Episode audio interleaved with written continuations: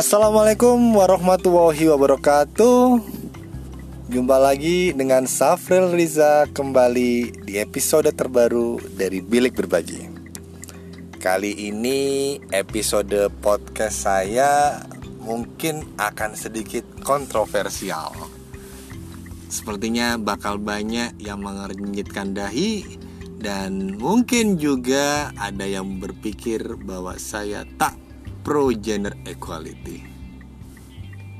Tunggu aja, simak baik-baik. Oke. Episode kali ini saya akan bercerita tentang Woman must be in the kitchen.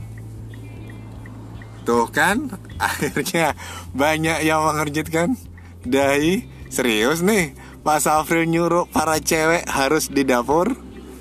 Ntar dulu, Simak baik-baik aja penjelasan saya terkait judul di episode kali ini. Jadi judul episode kali ini terinspirasi oleh speech atau pidato sahabat saya Najemia, cewek witi dari Makassar ini.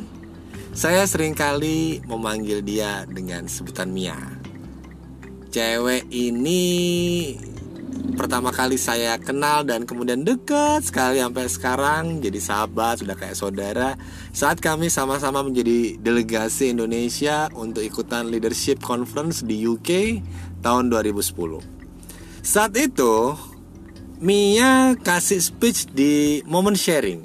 Saat itu Mia ngomong bahwa judul speechnya adalah Woman must be in the kitchen Seisi aula di salah satu di Cambridge University tempat kita mengikuti leadership conference itu langsung heboh.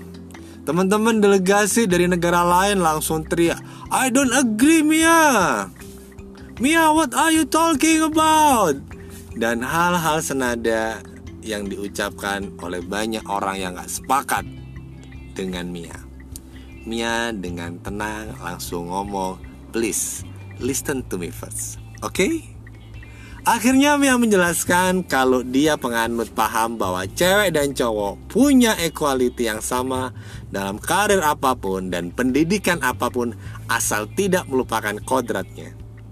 Mia melanjutkan bahwa seorang politikus harus mampu menajamkan strategi politiknya sama halnya saat dia menajamkan pisau di dapur. CEO cewek di perusahaan besar harus mampu mengelola perusahaannya sebagus dia mengelola bumbu dapur untuk menjadi makanan yang enak. Dan terakhir, kata mamanya Mia, hati manusia itu dengan dekat banget dengan perut.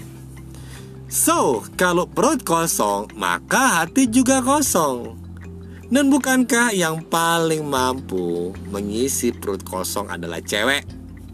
Berarti cewek pula lah yang paling bisa mengisi kekosongan hati keluarganya.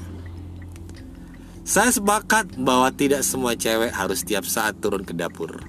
Mengingat kesibukannya di luar, entah jadi guru, dosen, dokter, atau apa pun itu. Toh tetap dia yang harusnya memastikan asisten rumah tangganya untuk memasak sesuai dengan arahannya. Yang memenuhi nilai gizi dan selera keluarganya. Dan tetap juga suatu saat dia pasti harus turun ke dapur. Minimal saat asisten rumah tangganya lagi mudik. And I do believe woman is an amazing creature. So, woman, are you ready in the kitchen? Itu aja sih. Sampai jumpa di episode berikutnya dari Bilik Berbagi. Wassalamualaikum warahmatullahi wabarakatuh.